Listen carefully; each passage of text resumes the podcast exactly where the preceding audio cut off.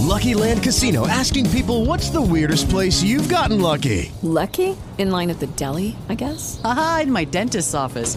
More than once, actually. Do I have to say? Yes, you do. In the car before my kids' PTA meeting. Really? Yes. Excuse me, what's the weirdest place you've gotten lucky? I never win and tell. Well, there you have it. You can get lucky anywhere playing at LuckyLandSlots.com. Play for free right now. Are you feeling lucky? No purchase necessary. Void where prohibited by law. 18 plus. Terms and conditions apply. See website for details. Hello, it is Ryan, and we could all use an extra bright spot in our day, couldn't we? Just to make up for things like sitting in traffic, doing the dishes, counting your steps, you know, all the mundane stuff. That is why I'm such a big fan of Chumba Casino. Chumba Casino has all your favorite social casino style games that you can play for free anytime, anywhere with daily bonuses. That should brighten your day a little. Actually, a lot. So sign up now at chumbacasino.com. That's chumbacasino.com. No purchase necessary. VGW Group. Void were prohibited by law. See terms and conditions. 18 plus. Dzień dobry, kochani. Witam Was serdecznie. W najbliższych tygodniach w swoich podcastach skupię się głównie na historiach z Wielkiej Brytanii. Od jakiegoś czasu miałam już bowiem na liście kilka spraw, które wydarzyły się właśnie w Anglii, a którym chciałam przyjrzeć się bliżej. Postanowiłam więc zebrać je i przedstawić w jednym miesiącu. I tak można powiedzieć ten mały brytyjski cykl. W poprzednim tygodniu rozpoczął się sprawą Heather Tell. Dzisiaj natomiast chciałabym opowiedzieć Wam o przypadku, o którym było wyjątkowo głośno w mediach w którym miało miejsce także wiele zwrotów akcji, a rozwiązanie nastąpiło dzięki rozwojowi technologii dopiero po 16 latach. Jest to jednak również sprawa bardzo frustrująca. Z tego względu, że sprawca mógł zostać złapany o wiele wcześniej. W gruncie rzeczy nawet zanim dokonał morderstwa, o którym dzisiaj Wam opowiem. Zapraszam do wysłuchania szczegółów sprawy Rachel Nickel. Rachel Jane Nickel urodziła się 23 listopada 1968 roku. Dorastała w Great Totem niedaleko Colchester razem ze swoim bratem Markiem w szczęśliwej i można powiedzieć zupełnie zwyczajnej rodzinie. Dziewczyna od najmłodszych lat miała dobre serce i zawsze była gotowa podać potrzebującemu pomocną dłoń. W okolicy, w której mieszkała, pomagała i wspierała osoby starsze i niepełnosprawne. Była artystyczną duszą. Pasjonował ją śpiew, teatr i balet. Sama również z powodzeniem występowała na scenie i wiele osób twierdziło, że miała wrodzony talent i powinna wybrać związaną z tym ścieżkę kariery. Rachel jednak zdecydowała się kształcić na kierunku związanym z językiem angielskim i historią. Podczas studiów podejmowała się dorywczych prac, m.in. zleceń modelingowych. Była także zatrudniona jako ratownik na basenie w dzielnicy Richmond w Londynie. To właśnie tam poznała 6 lat starszego Andre Hanscoma, który był kurierem. Rachel od razu wpadła mężczyźnie w oko i Andre zaprosił ją na randkę. Praktycznie była to miłość od pierwszego wejrzenia. Rachel już po pierwszym spotkaniu, podczas rozmowy telefonicznej z mamą, z entuzjazmem i pewnością wyznała, że to chyba ten jedyny. Przez kilka miesięcy para się spotykała, a ich znajomość tylko bardziej rozkwitała. Wkrótce niespodziewanie okazało się, że Rachel jest w ciąży. Co prawda, para nie była ze sobą bardzo długo, jednak Rachel i Andre byli pewni tego, że chcą być razem i ostatecznie i tak założyć rodzinę, więc po prostu zamieszkali wspólnie. I zamieszkali w południowo-zachodniej dzielnicy Londynu Balam i czekali, aż na świat przyjdzie ich pierwsze dziecko. 11 sierpnia 1989 roku urodził się ich syn, któremu dali na imię Aleksander. Zarówno Rachel, jak i Andre byli przeszczęśliwi. Młoda mama bardzo dobrze odnajdywała się w nowej roli i wszystko układało się, można powiedzieć, wyśmienicie. Rachel postanowiła wtedy rzucić studia, które finalnie i tak okazały się być zupełnie nie tym, czego dziewczyna oczekiwała, i skupić się na razie na życiu rodzinnym i wychowywaniu dziecka. Para przygarnęła także psa, Molly, i dni mijały Rachel na długich spacerach z Alexem i nowym czworonożnym członkiem rodziny. 15 lipca 1992 roku był kolejnym pięknym, słonecznym letnim dniem. Była środa i wszystko toczyło się stałym rytmem. Rachel zjadła z partnerem śniadanie, potem Andre wyszedł do pracy, a ona z synem postanowiła udać się jak zawsze na spacer. Alex miał już wtedy dwa latka i tylko kilka tygodni dzieliło go od trzecich urodzin. Tego dnia Rachel skierowała swoje kroki w stronę Wimbledon Common. Jest to rozległy park z wieloma terenami zieleni, zalesionymi obszarami oraz różnorodnymi miejscami, gdzie można odpocząć. Codziennie odwiedzało go, jak i odwiedza również obecnie bardzo dużo ludzi. Jednak w związku z tym, że Rachel wybrała się tam w środę rano, nie było wtedy aż tak tłoczno. Kobieta powoli szła ścieżką otoczoną wysokimi drzewami, niecałe 300 metrów od głównego parkingu. W pewnym momencie z krzaków wyszedł mężczyzna z czarną torbą przewieszoną przez ramię i zaczął biec w kierunku Rachel i dziecka. To, co działo się później, wiemy tylko z opowieści małego Alexa, a wszystko stało się w ułamku sekundy. Mężczyzna najpierw chwycił chłopczyka i rzucił go kawałek dalej na ziemię. Potem wyciągnął nóż i stojąc za plecami Rachel, zaatakował ją. Gdy kobieta osunęła się na ziemię, mężczyzna skierował się w stronę strumienia, gdzie umył ręce i po prostu odszedł. Alex pamięta, jak jego mama leżała na ziemi i według niego wyglądała wówczas bardzo spokojnie, jakby jedynie spała. Pociągnął ją wtedy za ramię i powiedział: Mamo, obudź się. Obecnie, teraz już dorosły mężczyzna, przyznaje, że po dłuższej chwili, mimo tego, że miał niecałe trzy lata, wiedział, że jego mama już nigdy nie otworzy oczu. Rachel została znaleziona niecałe 10 minut później przez starszego mężczyznę, który spacerował ze swoim psem, Michaela Murray. Początkowo z oddali zobaczył on, że ktoś leży na trawie. Pomyślał, że ta osoba jedynie się opala, lecz gdy tylko podszedł bliżej, wiedział już, jak bardzo się pomylił. Dostrzegł bowiem w połowie nagą kobietę, która była cała we krwi. Jej oczy były nieruchome i zaszklone, i Michael od razu wiedział, że dziewczyna nie żyje. Jej synek siedział zaraz obok i trzymał kurczowo jej ramię. Na miejsce zdarzenia niedługo potem dotarła policja i pogotowie. Małemu Aleksowi podano środki uspokajające i zabrano go do szpitala.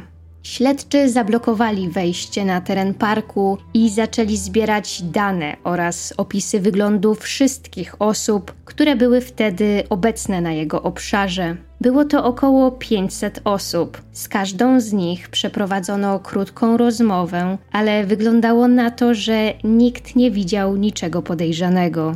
Na miejscu zbrodni nie znaleziono żadnych włókien, odcisków palców, włosów ani śladów krwi, która nie należała do Rachel. Jedyne, co udało się zlokalizować, to częściowy odcisk buta w błocie, odpryski czerwonej farby we włosach Alexa oraz niewielki ślad na shortach Rachel. Określono go wówczas jako materiał organiczny. W związku z tym, że były to lata 90., a badania DNA nie były rozwinięte na tyle, aby można było przeanalizować tak mały ślad, to zachowano go jedynie jako dowód w sprawie. Nie było wtedy nawet pewności, czy rzeczywiście jest to materiał genetyczny. Na czole Rachel znaleziono skrawek papieru. Początkowo policjanci nie wiedzieli, dlaczego w ogóle się tam znalazł. Później okazało się, że syn kobiety podniósł go z ziemi. Wybrał go spośród rzeczy, które najwyraźniej wysypały się z jej kieszeni w trakcie ataku i umieścił go tam, licząc na to, że zadziała jak plaster i pomoże jego mamie. Większość ran na ciele Rachel znajdowało się na jej plecach oraz szyi.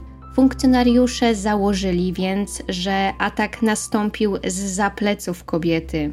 Mogło to jednocześnie oznaczać, że na ubraniu sprawcy nie było aż tak dużej ilości krwi, jak można się było spodziewać. Możliwe, że znajdowała się ona w większości na jego rękach, więc jeśli morderca opłukał dłonie w pobliskim stawie, Z łatwością mógł opuścić park, nie wzbudzając zupełnie żadnych podejrzeń. Mąż Rachel Andre w wywiadach przyznaje, że gdy dowiedział się, co się stało, jego świat zupełnie rozpadł się na kawałki. Kiedy jechał do szpitala odwiedzić swojego syna, myślał jedynie o tym, w jaki sposób zakończyć zarówno swoje życie, jak i życie Alexa. Nie chciał, żeby jego dziecko przez całe życie zmagało się z tak ogromną traumą, a on sam nie widział żadnego sensu w dalszej egzystencji bez Rachel. Po dotarciu do szpitala, Andre najpierw musiał porozmawiać z psychologiem dziecięcym.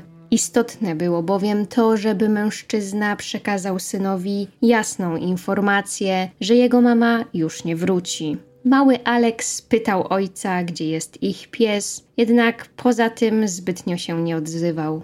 Gdy Andre zasugerował mu, odnosząc się właśnie do ich psa, że może nadejść taka chwila w życiu Molly, że nie będzie miała już ochoty żyć, to chłopczyk odpowiedział, że on ma siłę i chce dalej żyć. Andre wiedział już wtedy, że będzie musiał być silny przede wszystkim dla swojego syna. Wszystkie czarne myśli, które przyszły mu do głowy wcześniej, przestały się w tym momencie liczyć. Uświadomił sobie, że musi dołożyć wszelkich starań, aby zapewnić Aleksowi jak najlepszą przyszłość. W związku z tym, że na miejscu zbrodni śledczy nie znaleźli żadnych obiecujących tropów, które mogłyby popchnąć sprawę naprzód, a informacje pozyskane od osób przebywających wtedy w parku również niewiele wniosły, to wszystko wskazywało na to, że jedynym świadkiem zdarzenia, który widział sprawcę i może pomóc rozwiązać tę sprawę, był jedynie dwuletni syn ofiary ciągu zaledwie kilku godzin od momentu odnalezienia ciała Rachel, informacje o jej śmierci pojawiły się we wszystkich gazetach. Autopsja wykazała, że kobieta została wykorzystana seksualnie, co doprowadziło do konkluzji, że Alex prawdopodobnie wymazał ze swojej pamięci dużą część napaści na swoją matkę, Rachel miała 49 ran kłutych, z których kilka znajdowało się na jej szyi. Cięcie na gardle było tak głębokie, że kobieta prawie została pozbawiona głowy. Policjanci założyli, że morderca nie znał Rachel i obawiali się, że wkrótce może zaatakować ponownie. Okoliczności zdarzenia sugerowały także, że istnieje duża szansa, że funkcjonariusze poszukują człowieka, który miał zadatki na seryjnego mordercę. Andre starał się jak mógł, aby pomóc policjantom. Pojawił się w wielu publicznych wystąpieniach, apelując, aby zgłosiły się wszystkie osoby, które mają jakiekolwiek wiadomości lub podejrzenia w tej sprawie. Mały Alex natomiast regularnie uczęszczał na spotkania z psychologiem, który nie tylko pomagał mu uporać się z traumą, ale również starał się uzyskać informacje odnośnie osoby sprawcy. Jednak chłopczyk nie reagował zbyt dobrze na te wizyty. Gdy tylko pytano go o szczegóły ataku, uderzał głośno zabawkami o stół, jakby próbował zagłuszyć natrętne myśli i wspomnienia, z którymi nie umiał sobie w tamtej chwili poradzić. Finalnie udało się chociaż ustalić, jak wyglądał napastnik. Alex bez problemu umiał bowiem rozróżnić różne cechy wyglądu i pokazując mu obrazki, które ukazywały różne parametry wagi, wzrostu czy odmienne kolory włosów i ubrań, w końcu stworzono portret pamięciowy mordercy. Był to szczupły, biały mężczyzna z krótkimi brązowymi włosami, ubrany w niebieskie spodnie, białą zapinaną koszulę oraz brązowe buty. Przy sobie miał małą czarną torbę, z której wyciągnął nóż. Jego pasek był założony aż na koszulę. Nie znajdował się standardowo w szlówkach spodni. Dziennikarze także nie odpuszczali. Potrafili śledzić chłopczyka, próbując zrobić mu zdjęcie praktycznie wszędzie już od samego początku. Nawet gdy Andre z synem żegnali Rachel, reporterzy nie umieli uszanować ich żałoby. Ojciec często musiał zakrywać głowę syna kurtką, a i tak fotografia Aleksa w końcu pojawiła się na pierwszych stronach gazet, wystawiając właściwie życie chłopca na niebezpieczeństwo, bo morderca przecież cały czas pozostawał na wolności. Funkcjonariusze podejmowali różne działania. Na samym początku na przykład zastawili na miejscu zbrodni pułapkę, licząc na to, że sprawca powróci na ten teren. Umieścili wtedy kamerę w drzewie oraz specjalnym środkiem chemicznym, który pozostałby na butach, spryskali pobliską trawę. Nie przyniosło to jednak żadnych rezultatów poza koniecznością interwencji, gdy grupa nietrzeźwych nastolatków wybrała sobie akurat tę lokalizację na alkoholową libację. Śledczy przesłuchali także bliskich i przyjaciół Rachel. Przejrzeli raporty przestępstw na tle seksualnym popełnionych w ostatnich miesiącach na tym obszarze oraz alibi ich sprawców oraz szukali podobieństw z innymi morderstwami w okolicy, lecz i to niewiele dało. I na liście podejrzanych nadal nie widniało ani jedno nazwisko. W końcu jednak pojawiła się mała poszlaka. Policjanci dotarli do zeznań kobiety, która widziała około 10.10 na Wimbledon Common tego feralnego dnia podejrzanego mężczyznę, który krążył bez celu i cały czas się rozglądał. Kobieta twierdziła, że nieznajomy starał się ukryć swoją twarz, bo za każdym razem, gdy na niego patrzyła i próbowała złapać kontakt wzrokowy i się uśmiechnąć, człowiek ten po prostu odwracał twarz. Potem widziała go jeszcze dwa razy i zdawało się jej, że podążał wtedy za jakąś kobietą. Opis, który podała, całkowicie pokrywał się z portretem sprawcy, który udało się uzyskać wcześniej na podstawie tego, co powiedział syn Rachel. Policjanci zdecydowali się również zwrócić do sławnego w Anglii profilera i psychologa Paula Britona. Profilowanie kryminalne było wtedy jeszcze stosunkowo nowe i nawet sami funkcjonariusze podchodzili do jego rezultatów raczej z rezerwą. Jednak Britton konsultował wcześniej wiele spraw z dużym powodzeniem. Profilowanie kryminalistyczne polega na określeniu sylwetki sprawcy, jego najważniejszych cech i przejawów zachowań na podstawie zgromadzonych danych dotyczących popełnionego przestępstwa, a następnie wyodrębnieniu grupy osób o cechach najbardziej zbliżonych do danego profilu. Na podstawie zgromadzonych w sprawie informacji, Britton przyjął, że sprawca nie znał wcześniej swojej ofiary że to prawdopodobnie młody mężczyzna, jeszcze przed trzydziestką, który mieszka w niedalekiej odległości od parku, w którym doszło do napaści.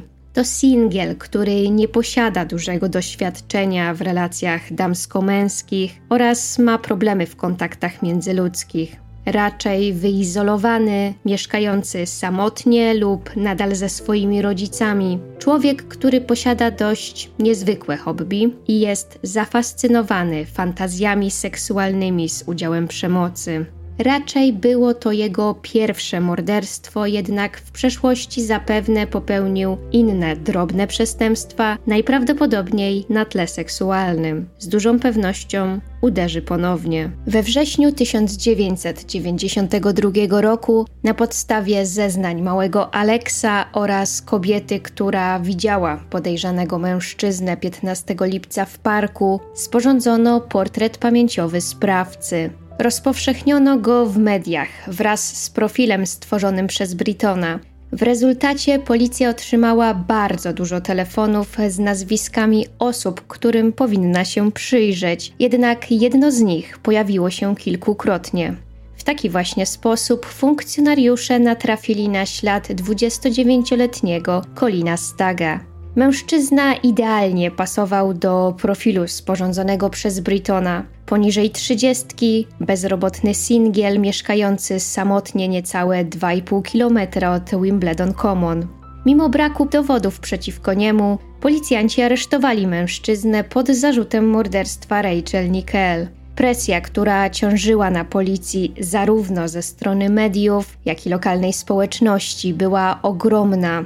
Wszyscy liczyli na to, że sprawca zostanie szybko ujęty, osądzony i umieszczony w zakładzie karnym. Colin Stack przyznał, że był tego feralnego dnia około 8.15, 9.15 na Wimbledon Common i było to prawdopodobnie jeszcze przed tym, jak Rachel w ogóle się tam pojawiła. Codziennie spacerował właśnie w tym parku ze swoim psem, ale akurat w ten dzień strasznie bolała go głowa, więc przechadzkę, która zazwyczaj trwała ponad godzinę, skrócił do zaledwie 10-15 minut. Potem wrócił do domu, wziął tabletki przeciwbólowe i położył się spać. Gdy się obudził, czuł się o wiele lepiej i zdecydował, że wróci do parku. Jednak wtedy jego teren był już ogrodzony. Colin był dość zaskoczony tym, co widzi, więc podszedł do policjanta i zapytał, co się stało.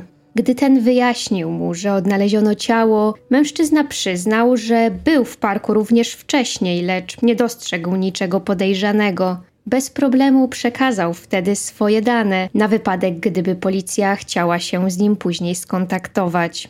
Podczas przesłuchania, już po aresztowaniu, mężczyzna był bardzo zdenerwowany i często nie odpowiadał wprost na pytania policjantów, zmieniając temat. Nie był w stanie również określić, kiedy dokładnie był z psem w parku po raz pierwszy. Podał jedynie przedziały czasowe, które zamykały się w pełnych godzinach, a to nie było dla funkcjonariuszy zbyt precyzyjnym określeniem czasu i pozostawiało Kolinowi dość duże pole manewru. Sąsiadka mężczyzny zeznała natomiast, że widziała go, gdy wychodził z domu około 9.25, co nie tylko stało w sprzeczności ze słowami samego Kolina, ale wskazywało również na to, że mężczyzna mógł być w parku w tym samym czasie co Rachel.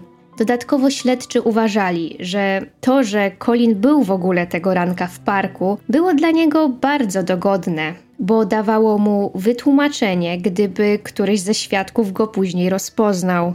Colin zeznał, że podczas swojego spaceru minął kobietę z brązowymi włosami związanymi w kucyk, która prowadziła wózek i szła razem z dobrze zbudowanym mężczyzną.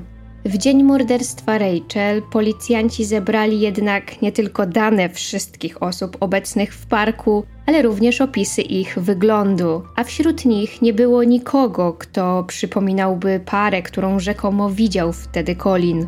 Przeszukanie mieszkania mężczyzny przyniosło kolejne rewelacje. W jego sypialni na dywanie widniał narysowany białą farbą pentagram, a na ścianach, które były pomalowane na czarno, znajdowały się symbole związane z czarną magią. Znaleziono również czarną pelerynę z kapturem, książki o tematyce satanistycznej i okultystycznej oraz nóż z długim ostrzem. Colin twierdził, że w tym domu wcześniej mieszkał jego brat, który był zafascynowany muzyką heavy metalową i to właśnie do niego należały wszystkie przedmioty znalezione przez policję. Po jego wyprowadzce Colin po prostu nie zmienił nic w domu. Następnie zorganizowano okazanie i kobieta, która widziała w parku dziwnie zachowującego się mężczyznę, wskazała, że był to właśnie Colin. Dodatkowo śledczy dotarli do zgłoszenia, gdzie mężczyzna, który przypominał opisem Staga, dopuścił się przypadku ekshibicjonizmu właśnie na Wimbledon Common. Colin przyznał, że był to rzeczywiście on, lecz jedynie opalał się nago w parku, jak robił co roku, i nie był jedyny zresztą. Za radą swojego prawnika mężczyzna przyznał się do publicznego obnażania się i otrzymał w rezultacie grzywnę w wysokości 200 funtów. Informacja o aresztowaniu Kolina Staga oraz skazaniu go za ekshibicjonizm przedostała się do mediów i mężczyzna automatycznie stał się w oczach opinii publicznej winnym morderstwa Rachel. Mimo, że okazało się, że nóż, który znaleziono w jego mieszkaniu, nie był narzędziem zbrodni, policjanci również byli przekonani, że zatrzymali właściwego mężczyznę i że zabójstwo Rachel było mordem rytualnym. Nie mieli jednak kompletnie żadnych dowodów, aby postawić Kolina przed sądem. Wtedy na policję zgłosiła się kobieta o imieniu Julie która korespondowała z podejrzanym dwa lata wcześniej. Zamieściła bowiem wtedy swoje ogłoszenie w gazecie w kąciku samotnych serc i Colin na nie odpowiedział. Początkowo głównie wymieniali listy, później kilka razy rozmawiali jeszcze przez telefon, aż do momentu, gdy Colin wysłał kobiecie list z jego fantazjami na temat seksu z nią na łonie natury. Julie wtedy przestała się do niego odzywać, ale zatrzymała ten list. I gdy zobaczyła zdjęcia Colina w gazetach, postanowiła pokazać go śledczym. Wówczas londyńscy policjanci wpadli na pomysł, jak uzyskać od Kolina jego przyznanie się do winy. Postanowili wpędzić go w pułapkę. Operacja zyskała nazwę Operacji Edzel i została zatwierdzona przez przełożonych śledczych, którzy prowadzili tę sprawę. Policjantka pod przykrywką, którą na potrzeby tej misji nazwano Lizzie James, miała zdobyć zaufanie Colina i uzyskać jego przyznanie się do winy. Lizzie udawała koleżankę Julie z kącika samotnych serc i napisała do Colina list. Przyznała, że przeczytała jego notatkę z marzeniami seksualnymi, którą wysłał do jej przyjaciółki i że bardzo ją zaciekawiła i chciałaby poznać go bliżej. Colin odpisał z wielkim entuzjazmem. Jego korespondencja z policjantką trwała ponad 6 miesięcy, a para wymieniła 43 listy. Mężczyzna nie wiedział jednak, że każda jego odpowiedź była analizowana przez cały sztab ludzi wraz z profilerem Polem Britonem na czele. Colin i Lizzie zaczęli niedługo potem rozmawiać również przez telefon. Mężczyzna wyznał, że był oskarżony o morderstwo Rachel, ale zapewniał, że tego nie zrobił. W końcu doszło także do spotkania pary w Hyde Parku w Londynie. Mężczyzna tego dnia miał urodziny i Lizzie przyniosła mu nawet prezent Walkmana i czapkę bejsbolówkę, która jednak miała przede wszystkim ułatwić jej kolegom identyfikację Kolina w tłumie. Para spacerowała, rozmawiała, aż w końcu usiadła w kawiarni. Lizzie przyznała wtedy Colinowi, że ma mroczny sekret. Powiedziała, że interesuje się satanizmem, okultyzmem i składaniem ofiar. Twierdziła, że jej były chłopak wprowadził ją w ten świat i kiedyś nawet zabili razem ciężarną kobietę i jej dziecko, po czym wzięli udział w orgii. Colin nie wydawał się być ani trochę przerażony, ani nawet specjalnie poruszony tym wyznaniem, ale nie odwdzięczył się podobnym stwierdzeniem, na co bardzo liczyli policjanci. Pod koniec tej randki mężczyzna wręczył jednak Lizzie liścik, gdzie opisał swoje pragnienie zbliżenia między nimi na Wimbledon Common, podczas którego rozciąłby nożem jej skórę, by zobaczyć jak płynie jej krew. Po raz kolejny policjanci uznali więc, że wszystko wskazuje na to, że sprawcą morderstwa Rachel jest właśnie Colin i muszą po prostu uzyskać kluczowy dowód w tej sprawie jego przyznanie się do winy. Dlatego między nim a policjantką doszło jeszcze do kilku spotkań podczas których kobieta zawsze miała na sobie urządzenie podsłuchowe i była obserwowana przez funkcjonariuszy. Lizzie bezpośrednio odnosiła się już wtedy do morderstwa Rachel. Utrzymywała, że wręcz podnieca ją myśl, że Colin był podejrzany i mógłby być mordercą. Sugerowała, że właśnie takiemu mężczyźnie byłaby w stanie się oddać i tylko taki ją zaspokoi. Zawiedziony Colin przeprosił Lizzie i przyznał, że nie jest zdolny do zabicia kogoś. Starał się jednak cały czas zaspokoić te specyficzne potrzeby kobiety różnymi fantazjami w swoich listach. A nawet widząc, że Lizzie ma sporą fiksację na temat morderstwa Rachel, w związku z tym, że był przesłuchiwany w tej sprawie i widział jedno zdjęcie z miejsca zbrodni, odtworzył dla niej kiedyś ułożenie ciała ofiary. Lizzie twierdziła, że mężczyzna splótł wtedy dłonie na nadgarstkach dokładnie w taki sam sposób, w jaki ułożone były ręce Rachel. Natomiast na zdjęciu, któremu pokazano, nie było tego ułożenia widać.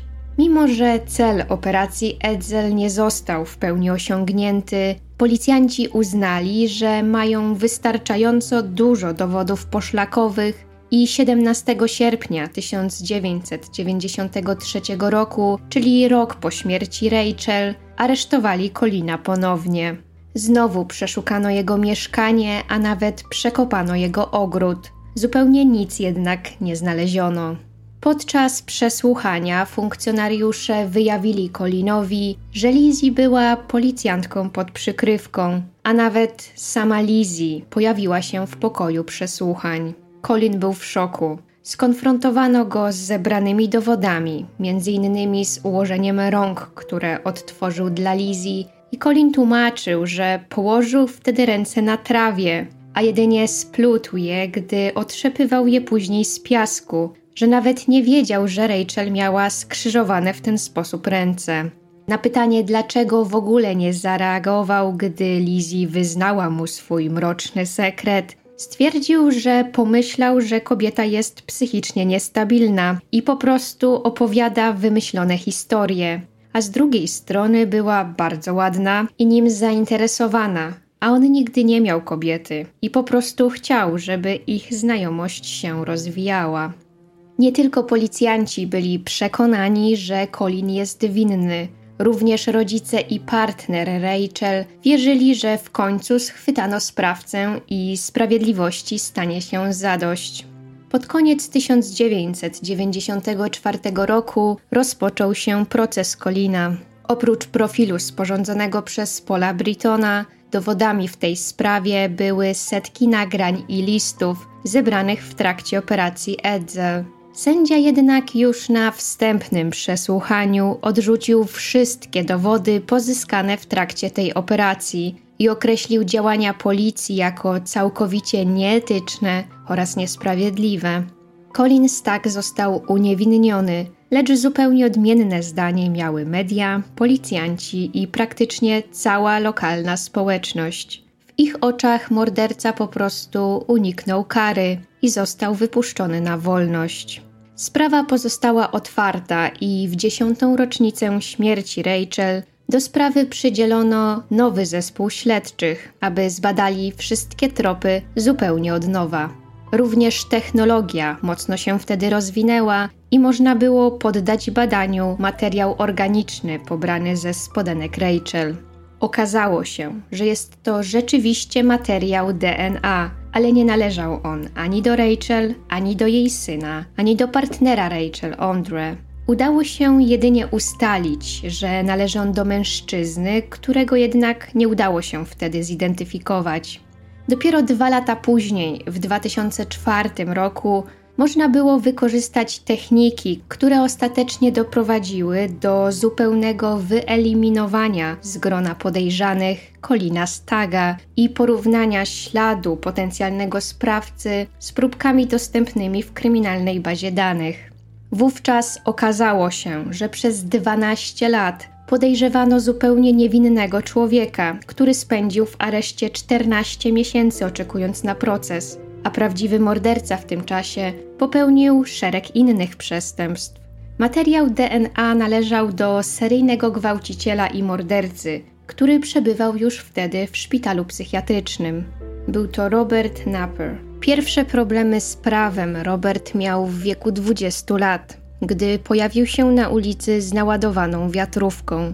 Wówczas dostał jedynie pouczenie i skonfiskowano mu broń. Potem zdarzały się przypadki ekshibicjonizmu oraz podglądactwa. Robert mieszkał na Plumstead w południowo-wschodnim Londynie. Jego dom znajdował się blisko jednej ze ścieżek Green Chain. Green Chain to sieć dróżek położonych pośród zieleni, często na terenach. Hello, it is Ryan, and we could all use an extra bright spot in our day, couldn't we? Just to make up for things like sitting in traffic, doing the dishes, counting your steps, you know, all the mundane stuff. That is why I'm such a big fan of Chumba Casino. Chumba Casino has all your favorite social casino style games that you can play for free anytime, anywhere with daily bonuses. That should brighten your day a little. Actually, a lot. So sign up now at chumbacasino.com. That's chumbacasino.com. No purchase necessary. VGW Group. Void were prohibited by law. See terms and conditions. 18 plus. porośniętych drzewami, bujną trawą oraz krzewami. Sama mieszkam blisko jednej z takich ścieżek i o ile rzeczywiście są to zazwyczaj relaksujące i spokojne miejsca, to na przykład wieczorem czy nocą raczej bym ich nie wybrała, nawet w towarzystwie. W sierpniu 1989 roku Robert ruszył właśnie jedną z takich dróg i dotarł do domu, którego tylne drzwi były otwarte. W środku młoda mama z dwójką swoich dzieci szykowała się do wyjścia z domu. Kobieta akurat wyszła spod prysznica, gdy zobaczyła w progu swojej sypialni mężczyznę z nożem w ręku. Napastnik zagroził, że jeśli kobieta będzie krzyczeć, to zabije jej dzieci. Następnie ją zgwałcił, a potem po prostu się ubrał, stwierdził, że powinna zamykać drzwi i wyszedł. Niedługo potem Robert przyznał się swojej matce, opowiadając jej ze szczegółami, co wtedy zrobił. Kobieta od razu po jego wyjściu zadzwoniła na policję. Podała pełne dane syna i powiedziała, że prawdopodobnie wykorzystał on jakąś kobietę w okolicach Plumstead. Policjanci jednak nie powiązali tego zgłoszenia z konkretnym atakiem i nic w tej sprawie nie zrobili. Nawet nie przesłuchali Roberta. Mężczyzna dokonał na obszarze Green Chain jeszcze wielu podobnych ataków, które tylko eskalowały, jeśli chodzi o brutalność. Niektóre źródła mówią o 80, a niektóre nawet o ponad 100 takich napaściach. Policjanci zaczęli określać sprawcę jako gwałciciela z Green Chain, jednak bardzo długo nie udało się im trafić na zupełnie żaden trop. Na podstawie zeznań kobiet, które zostały przez niego zaatakowane, sporządzono portret pamięciowy sprawcy i rozpowszechniono go w mediach. Wtedy nazwisko Roberta pojawiło się w zgłoszeniach telefonicznych. Policjanci poprosili więc mężczyznę o przekazanie swojej próbki DNA. Jednak mimo dwukrotnego wezwania Robert się nie stawił.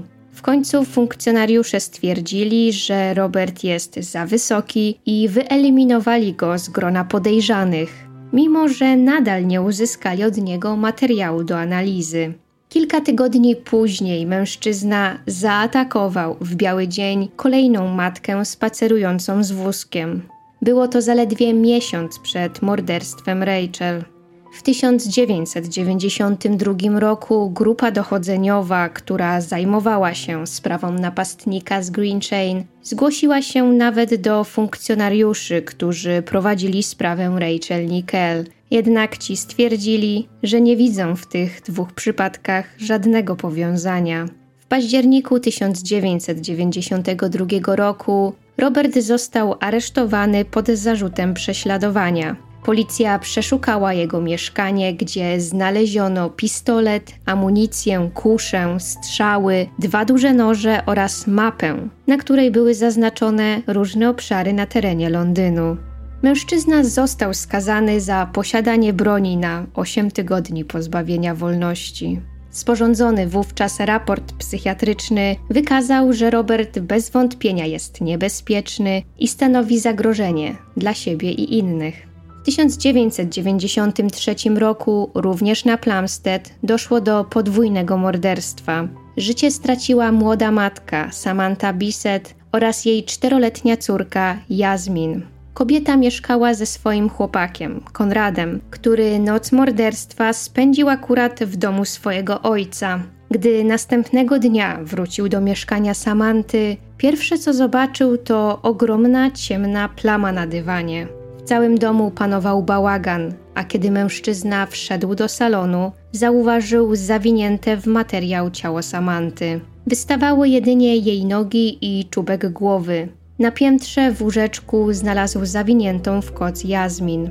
Dziecko również nie oddychało. Autopsja wykazała, że Samancie zadano ponad 60 ciosów. Następnie kobieta została zgwałcona, a sprawca okaleczył jej ciało. Jazmin także została wykorzystana seksualnie, a potem uduszona. Przyjmuje się, że Robert prawdopodobnie zabrał kawałek jamy brzusznej Samanty jako trofeum, gdyż tej części ciała kobiety nigdy nie odnaleziono. Chłopak Samanty Konrad przypomniał sobie później, że jego partnerka wspominała mu, że chyba ktoś ją podglądał. Kobieta nie miała problemu z tym, aby chodzić nago po swoim mieszkaniu, aż do momentu, gdy tydzień przed swoją śmiercią zobaczyła mężczyznę, który przyglądał się jej przez okno. Możliwe więc, że napastnik obserwował kobietę przez jakiś czas i czekał tylko na dogodny moment, aby zaatakować. Policjanci zabezpieczyli na miejscu zbrodni ślad buta oraz odcisk palca. Nie znajdował się on jednak w środku mieszkania, lecz na barierce przed domem. Przyjęto, że morderca prawdopodobnie dostał się do środka przez okno i stąd jego odcisk palca właśnie na poręczy. W tej sprawie również zwrócono się o pomoc do profilera Paula Britona. Co ciekawe, mężczyzna konsultował wszystkie trzy sprawy: sprawę Rachel Nickel, gwałciciela z Green Chain oraz sprawę Samanty Bisset i nie dostrzegł między nimi powiązania. Na podstawie śladów daktyloskopijnych udało się jednak zidentyfikować sprawcę i był to właśnie Robert Napper. W jego domu znaleziono także buty, które pasowały do śladów pozostawionych przez napastnika w mieszkaniu Samanty. Mężczyzna został w końcu aresztowany.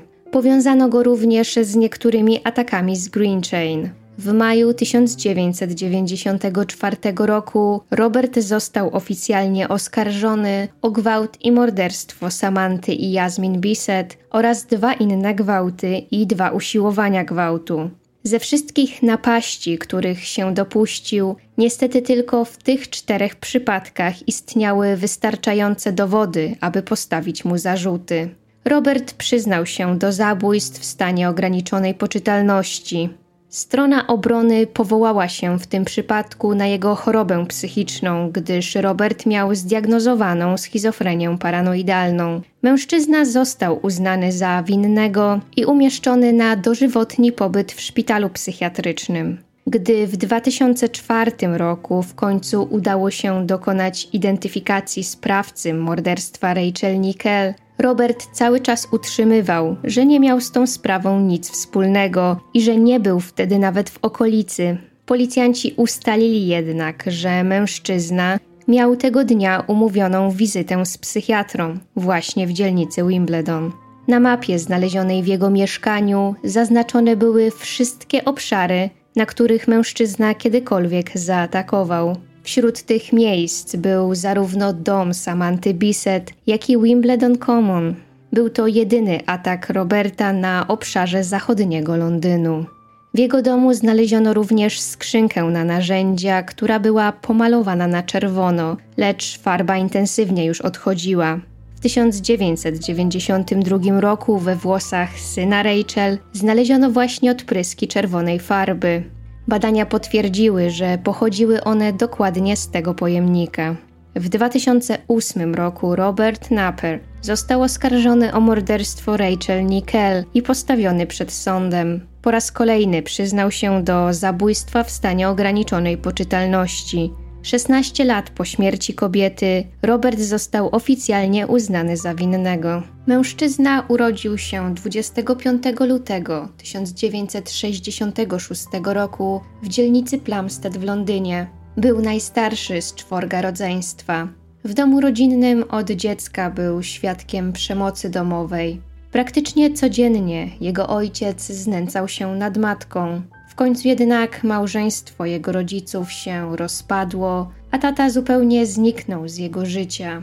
Robert wraz z siostrami i braćmi trafił wtedy do rodziny zastępczej, gdyż ich matka nie była w stanie odpowiednio zająć się dziećmi. Wówczas chłopak zaczął uczęszczać na wizyty z psychologiem, który stwierdził, że Robert ma zespół Aspergera, które jest zaburzeniem ze spektrum autyzmu. Po pewnym czasie wszystkie dzieci znowu wróciły pod opiekę matki i zdawałoby się, że ich losy zaczęły układać się coraz lepiej. Jednak nie dla Roberta. Podczas jednej z wypraw rodzinnych chłopak został wykorzystany seksualnie przez bliskiego przyjaciela rodziny. Po tym incydencie stał się wyjątkowo cichy i wycofany. Dodatkowo w szkole był prześladowany. Swoje rozgoryczenie i złość wyładowywał na młodszym rodzeństwie. W wieku nastoletnim zaczął podglądać i wykazywać niezdrową fascynację swoją młodszą siostrą. To także w tym okresie została u niego zdiagnozowana schizofrenia paranoidalna. W wieku 16 lat chłopak rzucił szkołę i zaczął podejmować różne dorywcze prace. Jego zachowanie stawało się jednak coraz dziwniejsze i bardziej niepokojące, aż w końcu matka wyrzuciła go z domu. Wtedy Robert zamieszkał sam i zaczął pracować w fabryce. Przez całe życie nie miał praktycznie żadnych przyjaciół. Mężczyzna obecnie przebywa w szpitalu psychiatrycznym Broadmoor. Człowiek, który został niesłusznie oskarżony o zabójstwo Rachel, Colin Stack, otrzymał odszkodowanie w wysokości ponad 700 tysięcy funtów. Obecnie pracuje w Tesco, jest w szczęśliwym związku i planuje wziąć ślub. Mężczyzna uporał się już z przeszłością, lecz twierdzi, że fałszywe oskarżenia zrujnowały dużą część jego życia. Największe pretensje ma w stosunku do profilera Paula Britona, którego uważa za osobę, która spowodowała, że większość ludzi podejrzewała właśnie jego. Prawnik Colina złożył skargę do brytyjskiego organu regulującego pracę psychiatrów, lecz nie stwierdzono w działaniu Britona żadnych nieprawidłowości i zarzuty naruszenia etyki zawodowej podniesione przeciwko niemu zostały odrzucone. Paul Britton do tej pory jest szanowanym psychiatrą i profilerem. Prowadzi wykłady i wydał kilka książek. Tak dobrze jednak nie powiodło się policjantom, którzy prowadzili sprawę Rachel i brali udział w operacji Edsel. Ta sprawa większości z nich zrujnowała karierę i w rezultacie musieli odejść ze służby. Jednak policjantka, która zgodziła się być Lizzie James, pozwała policję za zrujnowanie jej kariery oraz wystawienie jej zdrowia psychicznego na uszczerbek. Sprawa nigdy nie trafiła do sądu, zakończyła się polubownie. Kobiecie wypłacono 125 tysięcy funtów odszkodowania. Dla porównania syn Rachel, Alex, otrzymał jedynie 22 tysiące funtów. Po śmierci Rachel, Andre wraz z synem wyprowadzili się za granicę. Alex obecnie uważa, że uporał się już z tragedią i w tym momencie nawet nie nienawidzi już mordercy swojej matki. Obecnie mieszka w Barcelonie i jest instruktorem jogi. I to już wszystkie fakty, które przygotowałam dla Was odnośnie tej sprawy. Dzięki za to, że jesteście i dzięki za dzisiaj. Do usłyszenia niebawem. Trzymajcie się ciepło. preocupar.